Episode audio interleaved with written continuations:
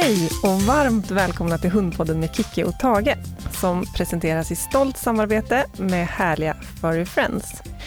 För nya lyssnare så kan vi passa på att berätta att Furry Friends erbjuder svenska produkter till den medvetna hundägaren och både jag och Tage tycker så mycket om det här företaget. Då de dels har superbra produkter för våra fyrbenta vänner men också för att de har hjärtat på rätta stället. Visste ni att de till exempel är organisationen Hundar utan hems egna foderleverantör och ser till att alla hemlösa hundar på Irland som Hundar utan hem tar hand om får foder från Furry Friends? Det tycker vi är fantastiskt. Eller hur Tage? Men nu till dagens avsnitt. Vi ska prata om apportering och med mig i studion så har jag min vän och kollega Cecilia Strömberg och hennes springer spaniel Diesel. Varmt välkomna hit! Hej, tack! Berätta, vem är du? Jo, vem är jag? Ehm, jag heter Cecilia, som vi sa, och eh, jag jobbar på Glada Jyckar som instruktör. Och jag har en engelsk springer spaniel som ligger här och sover faktiskt. Jättehärligt. Jätteduktig och jättesöt. Ja, han är jättesöt. Och jag skaffade faktiskt Diesel för att jag tänkte att jag skulle jaga med honom. För jag har jagat i många år. Men sen alltså när han kom, så blev det så mycket annat som blev så himla kul. Så jag håller på med allt möjligt. Med rallylydnad, med nosework, tricksträning, en stor portion vardagslydnad och så håller jag på med apportering. För jag märker ju att Diesel är ju en apportör och han går igång på det här med apportering. Så det tycker jag är jätteroligt. Och han också. Mm. Kul. Och om vi då börjar prata om det här med apportering. Mm. Eh, vad, vad är apportering egentligen? Vad menar vi med apportering? I grunden är det ju som ett jaktbeteende, alltså att hunden typ ja, men, bär hem bytet till lyan. Och det här har man ju då ja, men, utvecklat med, med olika sorters hundar. Så det är egentligen att bära saker och bära dem till oss då istället för, för till lyan. Mm. Det kan man använda på väldigt många olika sätt. Man behöver inte hålla på med jakt för att hålla på med apportering. Just det. Och kan alla lära sig att apportera? Ja, skulle jag vilja säga. Ja. men det, vissa kanske har en, en mer ja, men fallenhet för den andra. Och med de hundarna kanske det går lite fortare generellt. Eh, mm. sen har vi andra sorters hundar som kanske inte är avlade och liksom framtagna i generationer för att hålla på med apportering. Och de kanske det tar, kan ta lite längre tid. Men är det bara en hund som gillar att lära sig saker och liksom samarbeta och hänga med, så, så absolut går ju det. Mm. Kan du ge några exempel på vilka typer av hundar är det som är avlade för att ha lätt för rapportering? Eh, dels så har vi ju retrievers, golden mm. retriever, labradorer och eh, spaniels, springer spaniel, cocker spaniel, tollare också. Mm. Och så har vi de här stående fågelhundarna som till exempel setter och pointer. Ett par exempel. Om jag förstår saken rätt så, så även de här raserna som är liksom avlade för att hålla på med apportering så apporterar de på lite olika sätt. Mm. De har lite olika arbetssätt liksom kring helheten. Om man ser till eh, retrievers så ska de hämta vilt som, ja, men som redan är skjutet. Eh, och de kan behöva jobba på ganska långa avstånd och kanske till och med eh, simma över ett eh, vattendrag för att hämta och komma ut på en ö och, och hämta den där fågeln och, och, och, ta sig tillbaka. Då. Och de ska man också kunna dirigera, till exempel rakt ut och höger och vänster. Och spaniels, de ska också leta upp eh, fåglarna. Så de jobbar man med, man går som på en linje med hundförare och skytt på till exempel ett fält. Och så ska hunden springa i zigzagmönster och leta reda på fåglarna. Och när den hittar fågeln ska de få dem att flyga upp. Och precis, det här är så svårt, jag vet inte om jag någonsin kommer kunna lära min spaniel detta. När fågeln flyger upp precis framför näsan på dem så ska de sätta sig ner på sin lilla rumpa och bli kvar där då tills, ja, tills det är tid för att hämta fågeln sen på marken. Och att de ska göra det, det är för att de inte ska bli skjutna? Eller? Ja, eller störa eller, störa. eller hitta mm. en annan fågel som man då mm. som jägaren missar då för att den liksom stött upp flera stycken på en gång. Just det. Så det är därför. Och de här stående fågelhundarna, de jobbar på, ja och Spanien jobbar på ganska korta avstånd inom skjut, skjuthåll då för en hagelbössa som är ja, men runt 30 meter kanske. Mm. Men sen stående fågelhund jobbar på, på längre avstånd Och ni vet man, när man ser de här hundarna, de verkligen pekar liksom med, med Mm. hela kroppen. Så då kan de röra sig i ett större område och så när de hittar fågeln så, jag vet inte hur, de, hur man lär dem det faktiskt, men på lagom avstånd så att hunden inte far iväg. Så står de där och pekar bara, här är fågeln, här är fågeln. Och så får jägarna smyga sig framåt. Och när de kommer fram så säger man då en signal till hunden som, och då blir det samma sätt som, som Spanien då, att de ska få fågeln att flyga upp och sen sätta sig ner och vänta och sen hämta den. Det. Så det är mycket utmanande träning. Ja, och det är mycket runt omkring, det är inte bara själva apporteringen. Nej. Och jag tänker också då att alla de här sakerna som de är tänkta att göra runt omkring, det påverkar lite också hur de beter sig i vardagen. För jag har ju haft en engelsk setter som Mm. daghund tidigare. Och som du sa, setterna de ska ju springa väldigt stora, Mm. söka av stora vida cirklar. Och det märkte jag ju väldigt tydligt när jag gick med honom lös, att eh, han, höll, han hade ju hela tiden koll på mig. Men han sprang ju alldeles för stora lovar Mm. för att jag skulle vara bekväm med det i ett, eh, liksom så, den värld som vi lever här. För att jag Ja. vill ju ha hunden inom synhåll hela tiden, och, så att den inte kan springa fram till folk och sådär. Även om man inte sprang fram så måste man ju ändå ha så pass koll på hunden så att den är Mm. inom synhåll hela tiden. Och jag tänker det är väl kanske lite samma sak då med engelsk springer spaniel eller spanjorna, de här som ska gå och zigzacka och Mm. kanske kan vara lite utmaningar med koppelgående och så tänker jag. Exakt. Ja. De är ju som, jag brukar alltid säga på valpkurs för att sätta ribban liksom lagom, att ja, har man en hund som är gjord för att gå med nosen i backen och gå i ett zigzagmönster framför sin ägarens fötter och leta efter fågel, så, så kanske man inte ska ha ribban för högt i början. Nej, nej. Utan man får liksom vara beredd på att det blir lite så flängande zigzag fram och tillbaka och Ja. nosen i backen. Så får man, ja, man får lite att jobba med. Kan du beskriva lite mer i detalj vad liksom slutmålet är? Hur går liksom apporteringen till och vad är det hunden ska kunna? Mm. Om, man, ja, men liksom om man skalar bort det här som är ja, men liksom lite, lite väl komplicerat kring ja, men jobba på stora avstånd och peka på fåglar och grejer. Alltså om man skalar bort det och bara ser liksom till det som är ja, men gemensamt för alla de här hundarna, så har man lite att jobba med som vem som helst kan göra. Eh, och då delar man liksom upp det som en händelsekedja som man delar upp i små bitar. Och då är första delen att ja, men hunden ska kunna sitta still vid min sida medan jag slänger ut någonting. Så sitta still. Sen ska ju hunden ja, men springa ut till det här föremålet. Det är också en liten, ett delmoment. Liksom. Och sen ska den kunna greppa föremålet. Sen ska den kunna komma tillbaka till oss med föremålet, som brukar vara det svåraste. Och så lämna i handen. Så det är vad jag brukar ja, men, lära ut på en grundapporteringskurs. Sen Mm. kan man ju ta olika delar av den här händelsekedjan. Man behöver inte göra alla delar, men det, det är det som är liksom mest gemensamt med alla de här då, som, man kan, som man kan jobba på. Och när man ska lära in det här, då börjar man med olika, alltså en del i taget och att man Mm. tränar in det separat. Precis. Så eh, antingen så tar man ja, men en del i taget eller kanske två eller tre delar i taget. Eh, så finns det olika övningar då som man kan göra som, ja, men som man tränar just de här olika delarna. Mm. För det blir lite enklare, ja, men både för hunden och för människan också, om man delar upp det i mindre delar. Och sen när hunden kan de här mindre delarna, då kan man sätta ihop hela händelsekedjan. Mm. Och om man skulle vilja komma igång då, hur, hur, tycker du man gör då? Man kan välja ut ett föremål som man tänker sig liksom att ja, men det här ska min hund apportera. Börja liksom med ett föremål. Och då kan det vara en, det kan lika gärna vara en leksak eller en sån här tygapporteringsdummy. Spelar inte jättestor roll. Det kan vara bra om det är lite ja, men avlångt, liksom, så att det är lätt att, att ta i. Eh, och lätt för oss att ja, men, ta emot också och hålla i. Sen kan man faktiskt leka med föremålet. För man vill ju att hunden ska ha ett intresse för det här föremålet. Det ska vara liksom lite värt. Värt att springa ut och faktiskt hämta. Så leka med föremålet, alldeles utmärkt. Leka dragkamp, gör det.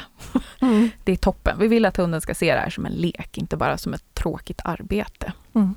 Och en superbra övning för att ja, men, komma igång. Och som jag sa, just den svåra delen brukar vara att eh, hundarna kanske inte alltid vill komma tillbaks med grejerna Nej, till just oss. det. En sak är att de tycker det är kul Ja. med föremålet, men Mm, det får inte bli för kul så att de springer Nej. iväg med det för sig själva. exakt. Och det är också en av anledningarna till att man tränar de här delarna lite var för sig. För att slänga ut ett föremål och springa till det brukar oftast inte vara ett problem. Nej, Men det är just det där att komma tillbaka. just det. Den lilla detaljen. Den lilla, lilla detaljen, ja. Den har till och med jag fått kämpa med, med min springerspaniel. Ja, ja. Mm. Eh, och man kan faktiskt till och med, om man verkligen, verkligen vill hålla på med apportering, så kan man faktiskt tänka på att inte jaga hunden när den har saker i munnen. Just det, det som annars kan vara en ganska kul lek. Men, ja, men det är klart jätterolig att- lek. Mm. Min hund tycker det är en jätterolig lek. Men det satte liksom ja, men lite käppar i hjulet där sen, för då tyckte han det var roligare om jag, om jag jagade honom och att vi lekte på det sättet istället. Ja. Så jag fick kämpa en del med, med den här delen att komma tillbaka faktiskt. Så det, det är sådär också ett tips. Men det är ingenting som är omöjligt. Eh, en övning som är bra som kallas för leka backa. Man liksom leker och backar samtidigt. Mm. Så man tar sitt föremål lite som att leka dragkamp fast man backar samtidigt. Och sen tar man som en liten paus i leken. Och så hoppas man då att hunden liksom sitter fast i det här föremålet och bara åh, det här är jätteroligt. Och så backar vi lite grann fortfarande fast lägger av lite med leken.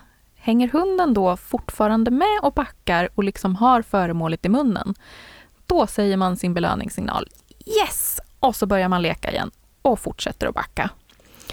Och då lär man hunden till slut att ja, men det är schyssta grejer att ja, men leka med det här föremålet och backa mot husse eller matte. Mm. Och då blir det som en träning i att komma tillbaka och Just faktiskt det. också greppa föremålet.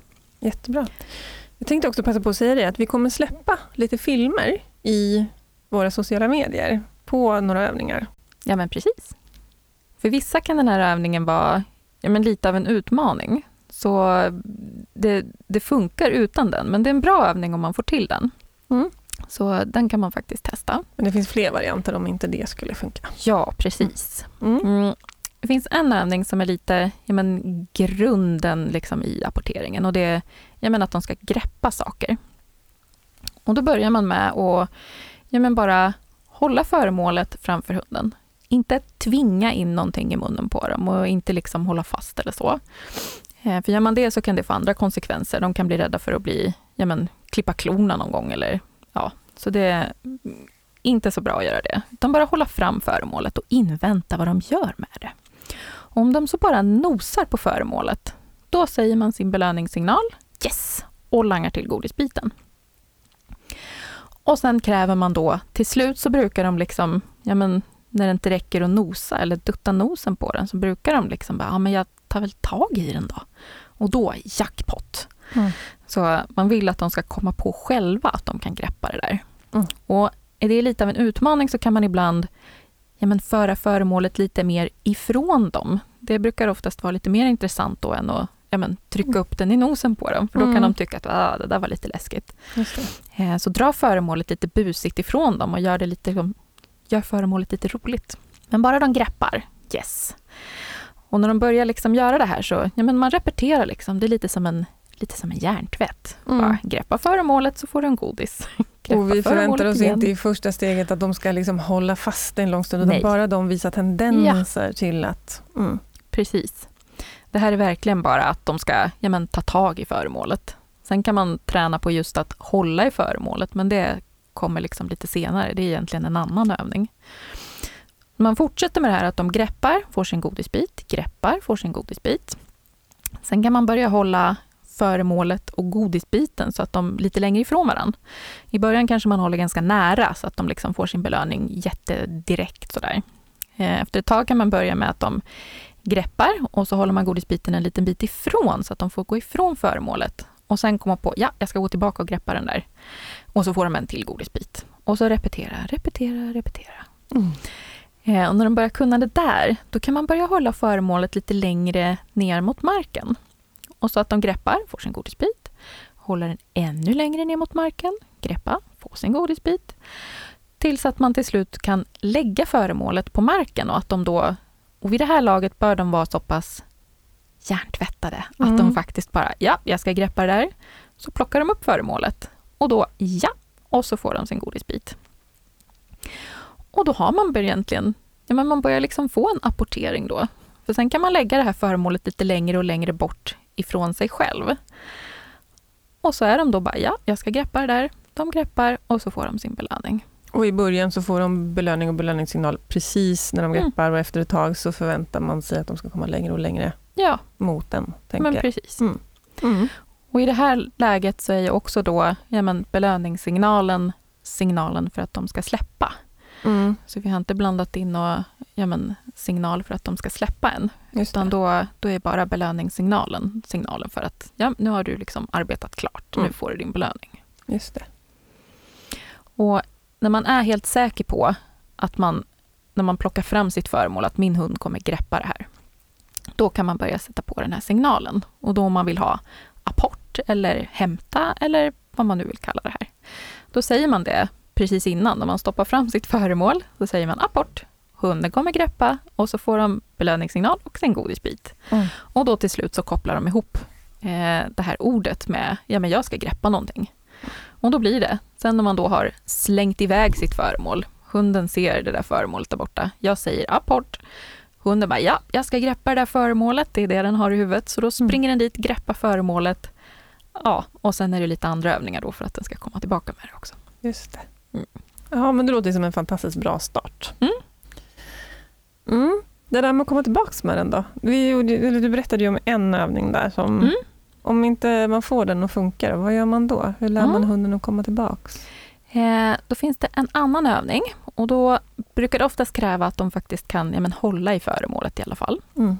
Det behöver inte vara perfekt. Eh, då har man hunden vid sin sida och så håller man det här föremålet framför hunden en liten bit.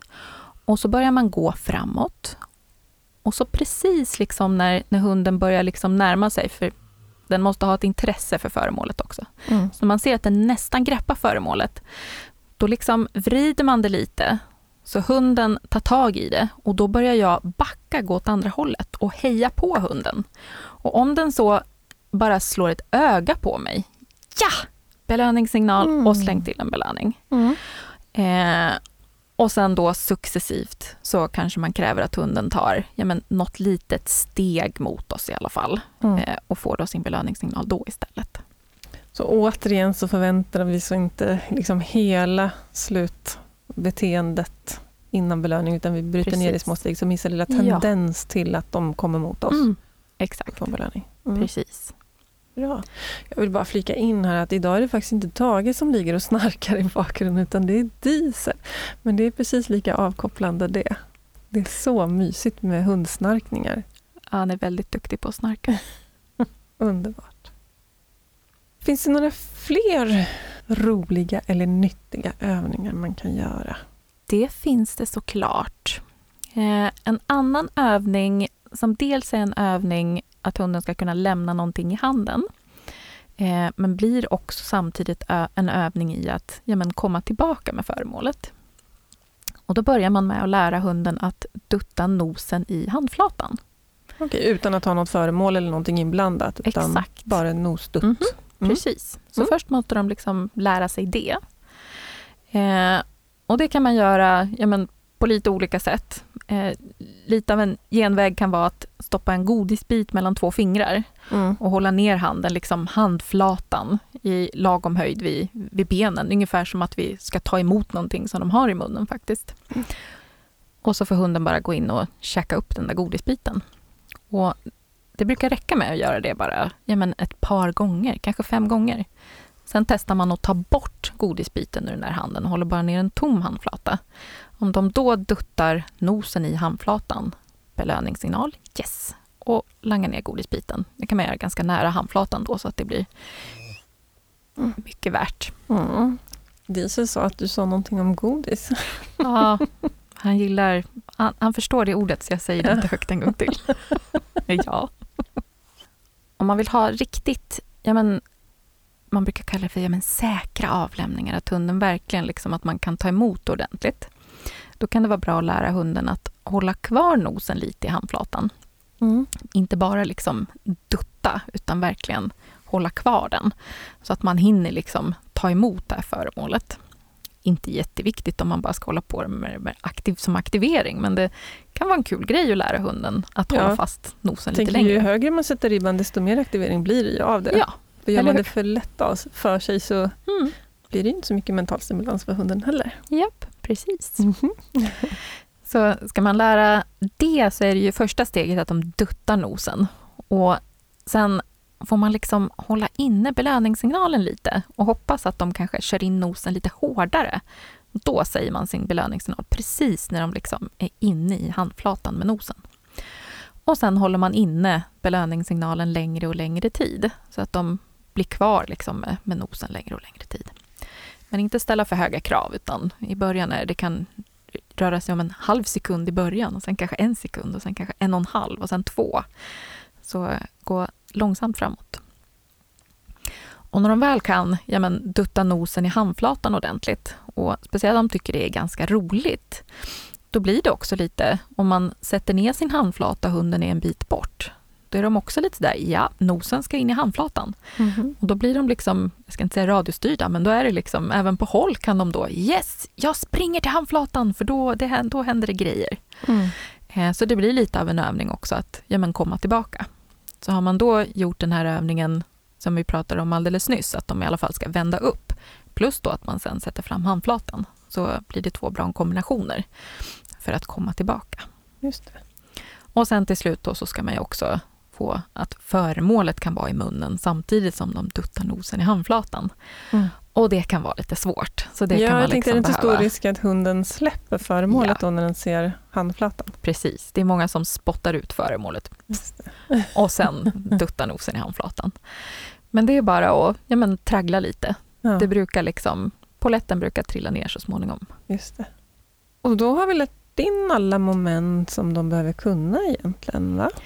Ja, det är väl det där sitta och stanna kvar då i början när man Just slänger det. iväg något. Mm. Och det kan ju vara en liten utmaning, speciellt om det är en hund som ja, men älskar det här föremålet. Mm. Det är en eh. svår balans där tycker jag, att ja, inte ta bort den här glädjen mm. som de har och drivet, men ändå få dem att sitta kvar utan att tjuvstarta. Japp, precis.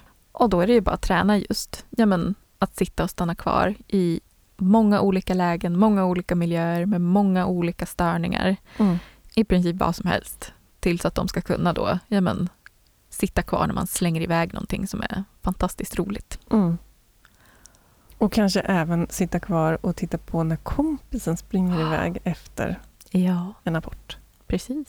Det tycker Tage är svårt. Mm. Kul! Och då har vi väl hela kedjan? Då har vi hela kedjan. Och då är det bara hem och träna? Ungefär så. Ja, och sen det låter så enkelt. Ja, och så sätta ihop alltihopa då från början till slut. Mm. Och vad gör man om det inte funkar med hela kedjan då? Jag brukar säga att ibland kan man ju liksom testa av.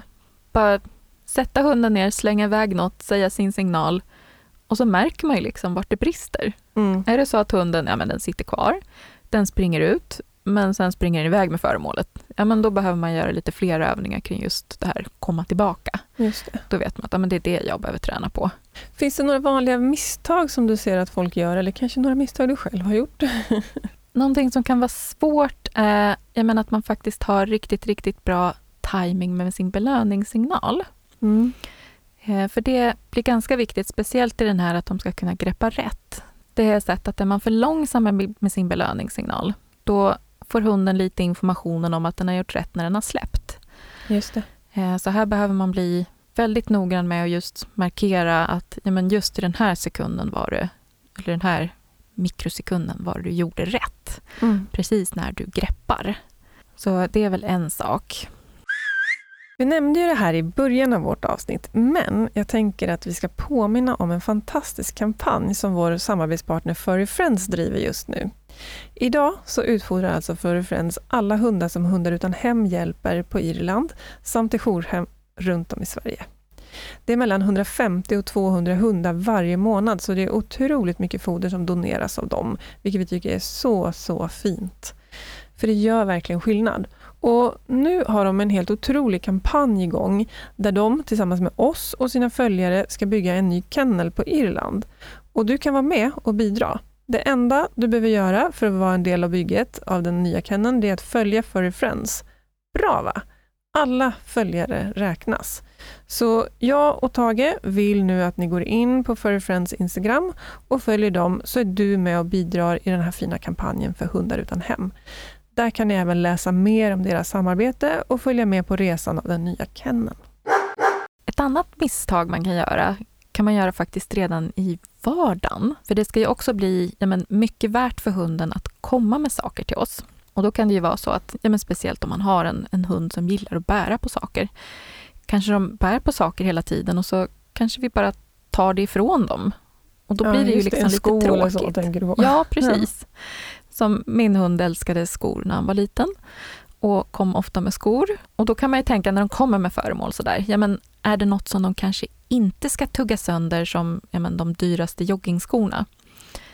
Då kanske man ska idka lite byteshandel. Så ger Mm. de något annat föremål eller en godisbit eller någonting som är ja, men, ungefär lika mycket värt som det där de kommer med. Mm. Men är det bara en strumpa, alltså jag har många udda strumpor, Mhm. eller när han var liten i alla fall, för han tuggade sönder många. Men kom han med en strumpa, det tyckte det är inte så mycket värt för mig. Så bara, ah men gud vad fint! Tack Diesel! Jättesnyggt! Och sen fick han tillbaka den. Ja, Så att man inte bara tar saker ifrån dem. just det. Så det kan vara en sak som man kan göra ja, men redan i vardagen för att liksom Eller ännu värre, bli irriterad på dem när de tar en Precis. skor och sådär. För det kan jag tänka mig att... Eller jaga dem. Eller jaga dem, ja. Mm.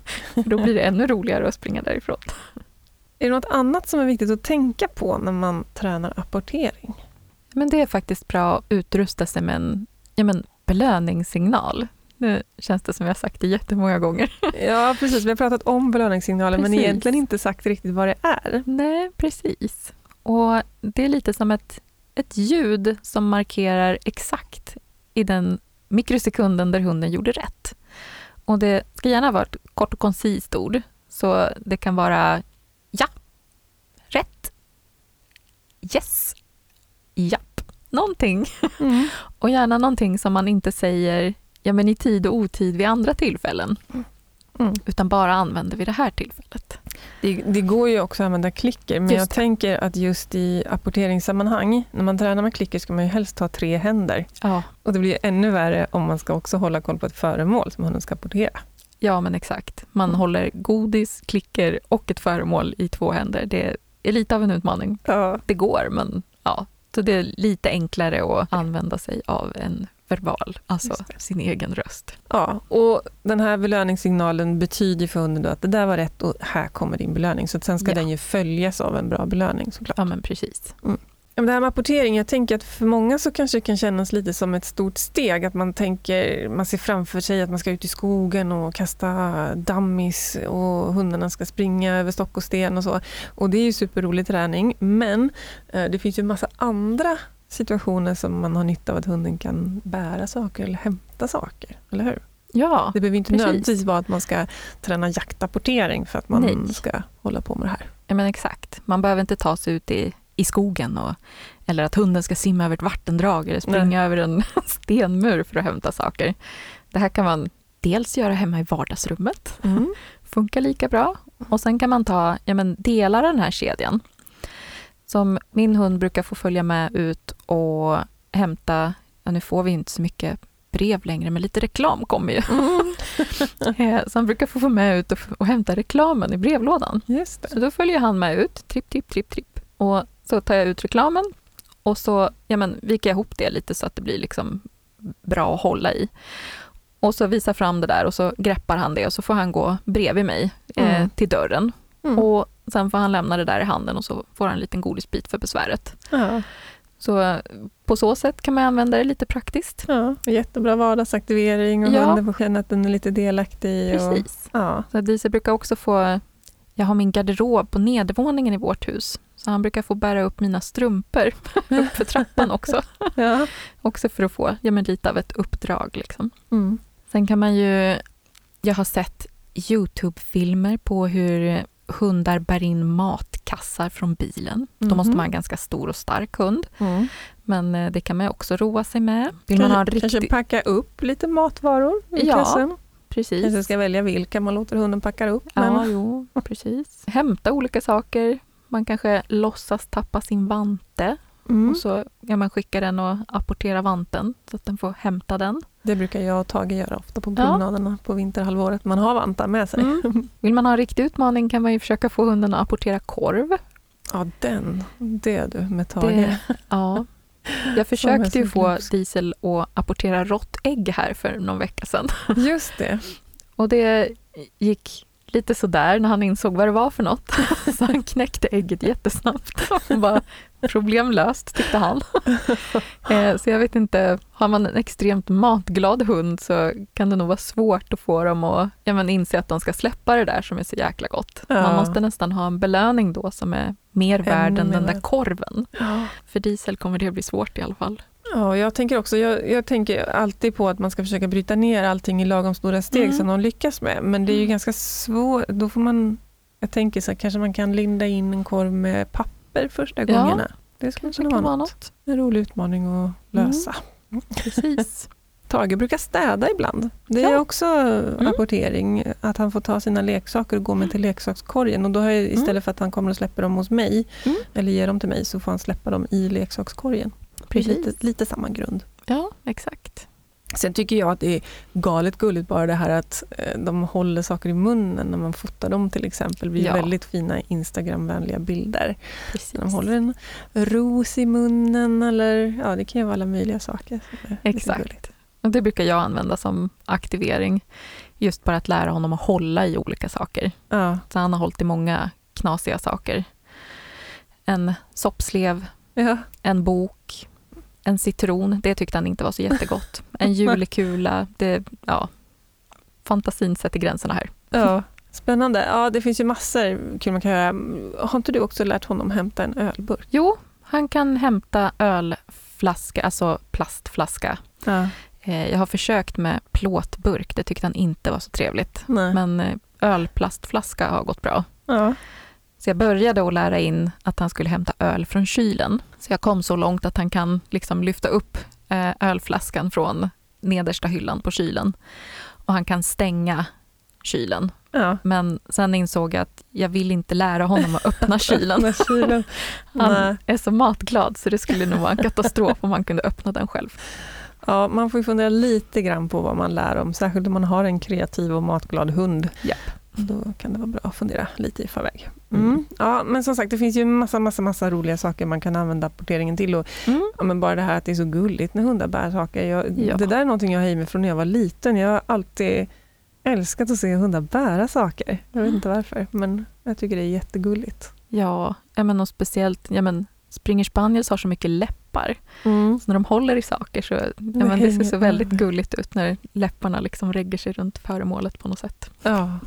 ja, och sen måste jag säga att även den här skogsaktiveringen, eller vad ska man säga, lite mer renodlade apporteringsträningen när man eh, låter dem hitta dammis ute i skogen. Det är ju väldigt bra aktivering Mm. och även, alltså dels går det att göra hur svårt och komplicerat som helst, eh, och, eller hur utmanande som helst för hunden om man vill stretcha gränsen och verkligen ge lite tyngre aktivering för Mm. hunden och särskilt för de här då som har i blodet att de Ja.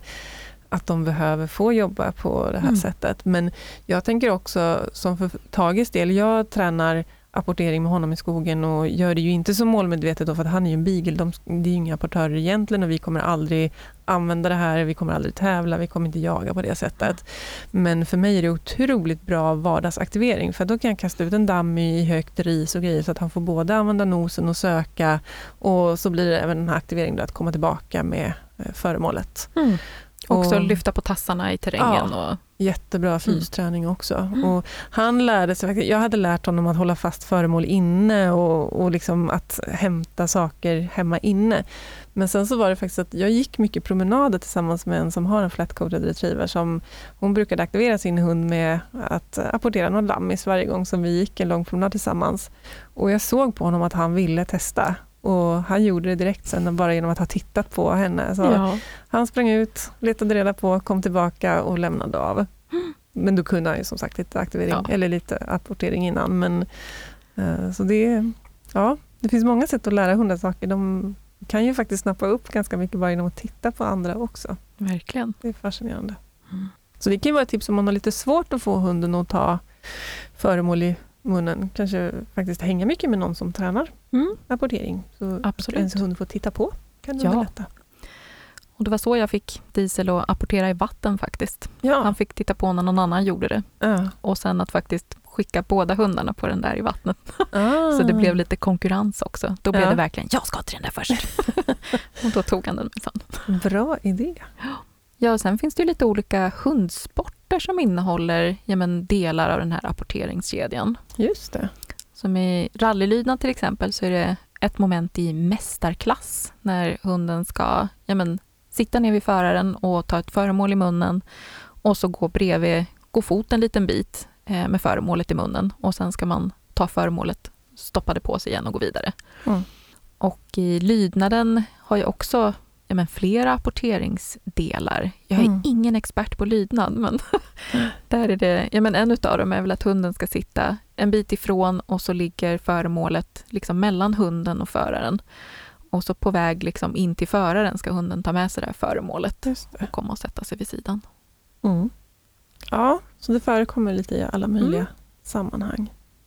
Om man skulle summera lite grann då, säg att någon sitter här och lyssnar nu och vill komma igång och, och köra lite apportering med sin hund. Vad, hur ska de, vad ska de tänka på? Jo, man kan ju starta igång med några av de här övningarna som vi har pratat om idag. Och eh, de kommer vi också lägga upp på ja, men poddens sociala medier. Så där kan ni in och kika lite och eh, se hur det funkar. Eh, så det kan man göra. Och känner man ändå att det är ja, men lite svårt så kan det ju vara bra att faktiskt gå en kurs. Eh, Eller en privatlektion för någon som ja, men håller på med apportering. Mm. Så det kan man också, ibland kan det vara bra att få lite ja, men extra stöd och hjälp. Mm. Och är man riktigt intresserad så finns det en jättebra bok som heter Rapportering till vardags och fest. Där finns det jättemycket bra tips och övningar. Så den kan jag verkligen rekommendera. Kul. Och vill man följa dig lite i din träning och vardag med diesel och hundliv överhuvudtaget så har ju du en, ett ganska aktivt Instakonto, Cecilias hundliv. Precis. Så det kan jag varmt rekommendera alla att följa. Och både du och jag jobbar ju på Glarikar. Så jag tänker att bor man i Stockholm så får man ju jättegärna komma på kurs hos oss såklart. Vi har ju både apporteringskurser och massa andra kurser, allt från valp och vardagslydnad till olika aktiveringsformer. Det mesta som passar vanliga familjehundar kan man ju säga. Och lite till. Ja. och de hittar man på gladika.se och där finns det också onlinekurser för er som inte bor i Stockholm. Så det finns ju både onlineföredrag och vi har också en kurs som heter Vardagsträning, aktivering och abrovinker som är en självstudiekurs som jag varmt kan rekommendera. Gå in och följ även mig och podden på sociala medier. Både podden och Kiki Fälstenius hundpsykolog finns både på Instagram och på Facebook och även Glada Jycka finns på dem. Så nu har ni massa spännande konton att följa för att få inspiration i vardagen. Tusen tack snälla Cecilia för att du ville komma och prata apportering med mig. Jättespännande ämne. Och tack till alla ni som lyssnar på Hundpodden med Kiki Fälstenius och Tage the Beagle och idag även med Cecilia Strömberg. Ha en underbar dag.